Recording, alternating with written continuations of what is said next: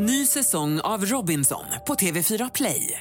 Hetta, storm, hunger. Det har hela tiden varit en kamp. Nu är det blod och tårar. Fan händer just nu. Det. är Detta är inte okej. Robinson 2024, nu fucking kör vi! Streama söndag på TV4 Play.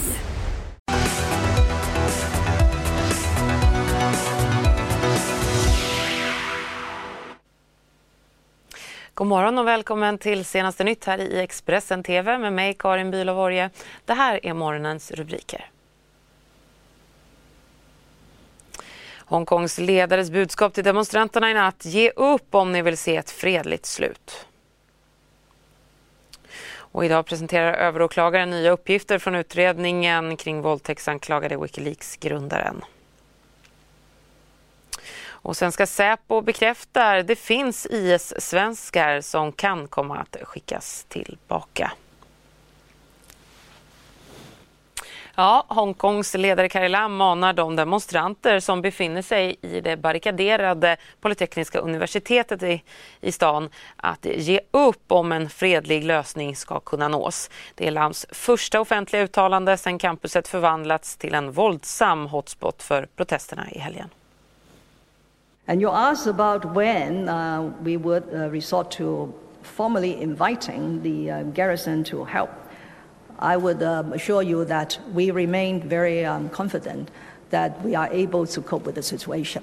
And that's why operations like that happening in the Polytechnic University is a very important one. I, for one, appreciate that it is a very difficult one. It's a very complicated operation. But if we were not able to undertake any operations to arrest these uh, rioters who are resorting to escalating violence and who are uh, damaging Hong Kong from one place to another, from one campus to another, and manufacturing more and more life threatening uh, weapons and petrol bombs and so on, we will not be able to demonstrate and display that competence in dealing with the situation. But right now, we are still sort of displaying and demonstrating that competence to handle the situation ourselves. Många Hongkongbor gick igår ut och visade sitt stöd för de studenter och demonstranter som är omringade av kravallpolis. Kilometerlånga mänskliga kedjor bildades under kvällen lokal tid för att skicka förnödenheter och material fram till polisavspärrningarna till studenterna. Trots att kravallpolis i dagar attackerat med tårgas, vattenkanoner och gummikulor har studenterna och demonstranterna inte gett upp ockupationen av universitetet, även om några av dem igår försökte lämna campuset men besköts av polis eh, med både tårgas och gummikulor och motades tillbaka. CNN rapporterar. Nya sammandrabbningar har brutit ut upprepade gånger när aktivister försökte lämna det ockuperade Polytechnic University i Hongkong. En del av gripanden har varit väldigt våldsamma och enligt vittnen har polisen slagit och sparkat på aktivister som legat på marken. Demonstranterna ska ha beskjutits med tårgas och gummikullor. Det var förra veckan som universitetet ockuperades av demonstranterna och under helgen fick de ett ultimatum att lämna området. När detta inte hörsammades utbröt våldsamma sammandrabbningar och 154 personer gripits av polisen. Sammandrabbningar pågick också på andra platser i Hongkong. Bland annat rapporterades lukten av tårgas vid ett sjukhus. Den senaste veckan har oroligheterna i regionen stegrats till en mer våldsam nivå. Elias Littell pluggar i Hongkong och berättade i Expressen TV om hur stämningen mellan demonstranterna och polisen upptrappas. Det var lite lugnare nu för inte så länge sedan men eh, i måndags för en vecka sedan så började det bli riktigt stökigt igen. Så nu, eh, nu är det lite kaos här igen.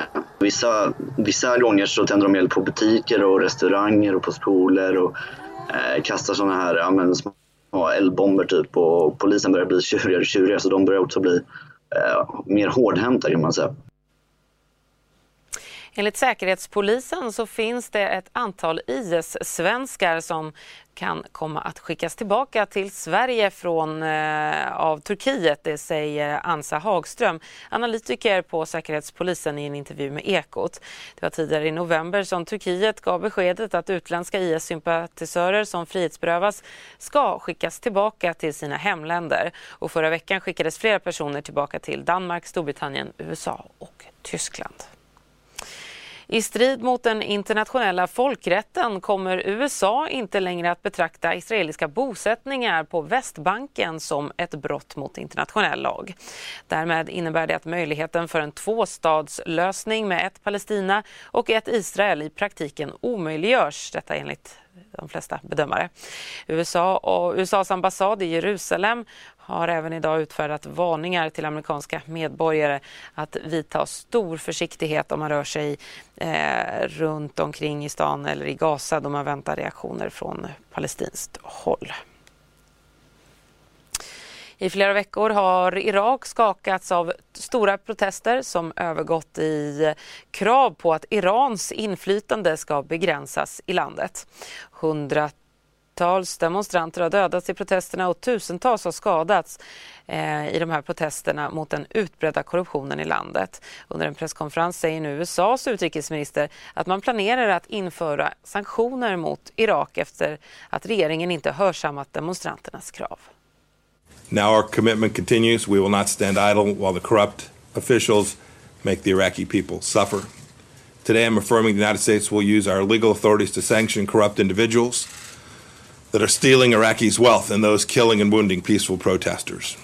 Like the Iraqi people, taking to the streets today, our sanctions will not discriminate between religious sect or ethnicity.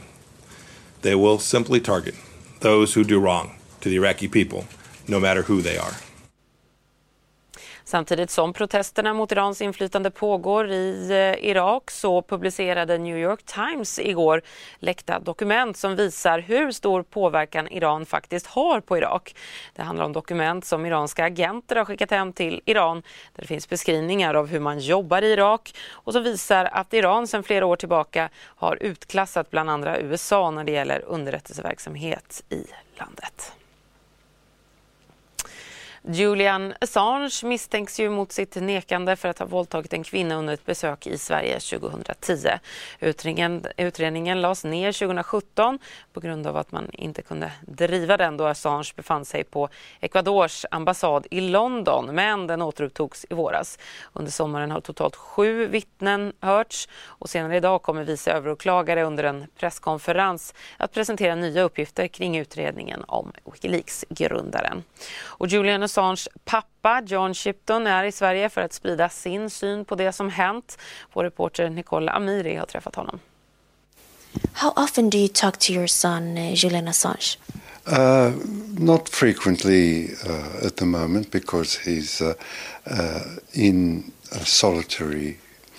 So uh, after after the solitary confinement's finished this week, um, Julian is allowed three visits a week rather than two social visits per month. So we'll be able to see more of each other. How does he, he feel?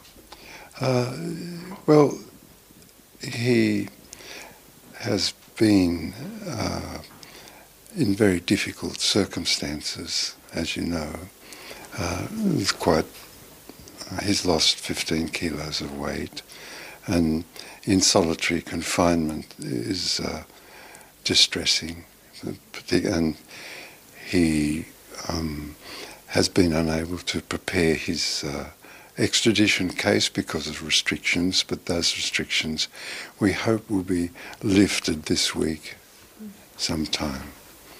How is this whole situation affecting you and, and your family?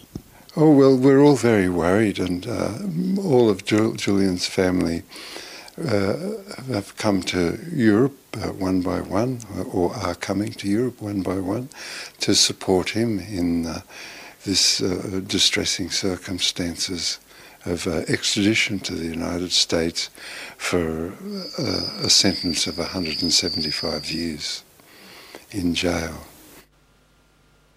Enligt en ny rapport från FN så sitter över 7 miljoner barn frihetsberövade i fängelser, migrationsläger eller häkten världen över. Rapporten omfattar både barn som frihetsberövats ensamma eller gripits tillsammans med sina föräldrar. Bland annat omnämns att nästan 50 000 barn beräknas finnas i de så kallade IS-lägren i Irak och Syrien. Och protesterna i Chile de fortsätter. Det hela startade ju för en månad sedan, den 18 oktober med protester mot höjda avgifter i kollektivtrafiken.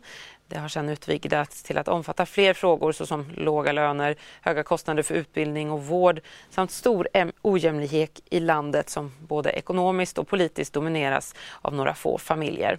22 personer har hittills dödats och tusentals skadats i samband med protesterna.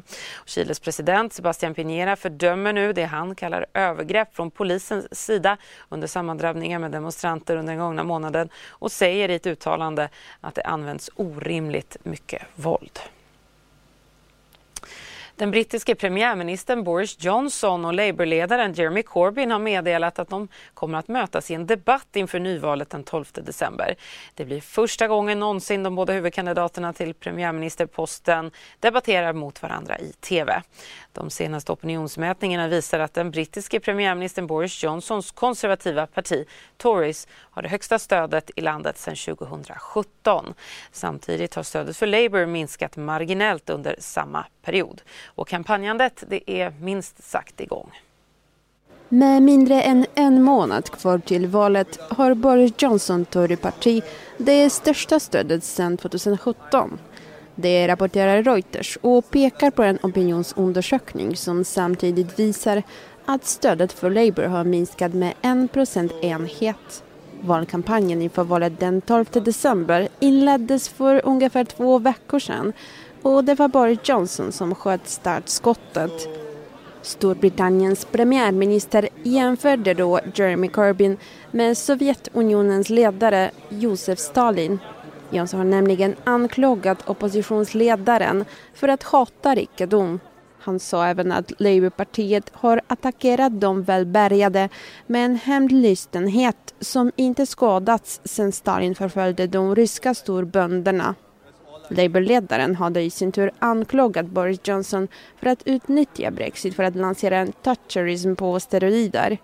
Corbyn varnade för att Johnson kan komma att sälja ut NHS, den statliga organisation som ansvarar för sjukvården i Storbritannien som en del i ett handelsavtal med USA. Under de två senaste veckorna blev det också klart att Brexitpartiet inte kommer att utmana Torypartiet i de valkretsar som de vann. Något som Jeremy Corbyn kallade för en seger för Trump-alliansen. Enligt BBC har de brittiska storpartierna helt olika prioriteringar och deras lösningar för samhällsproblemen står i stark kontrast till varandra. Man konstaterar även att Labour och Torypartiet står längre ifrån varandra i politiken än de gjort på evigheter.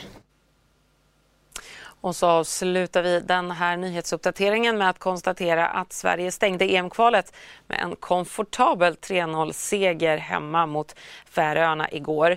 Eh, Sverige säkrade dock eh, spel i sommarens EM-slutspel redan efter fredagens seger mot Rumänien. Så förbundskapten Jan Andersson valde att ställa upp med ett i princip helt nytt lag i gårdagens möte. Då gjorde landslagsdebutanten Mattias Svanberg mål och även Jan Guidetti fick sätta sitt tredje dito i karriären. Nu tar vi en kort paus. Jag är strax tillbaka med fler nyheter.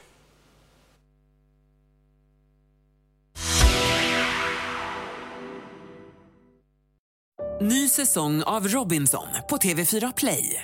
Hetta, storm, hunger. Det har hela tiden varit en kamp.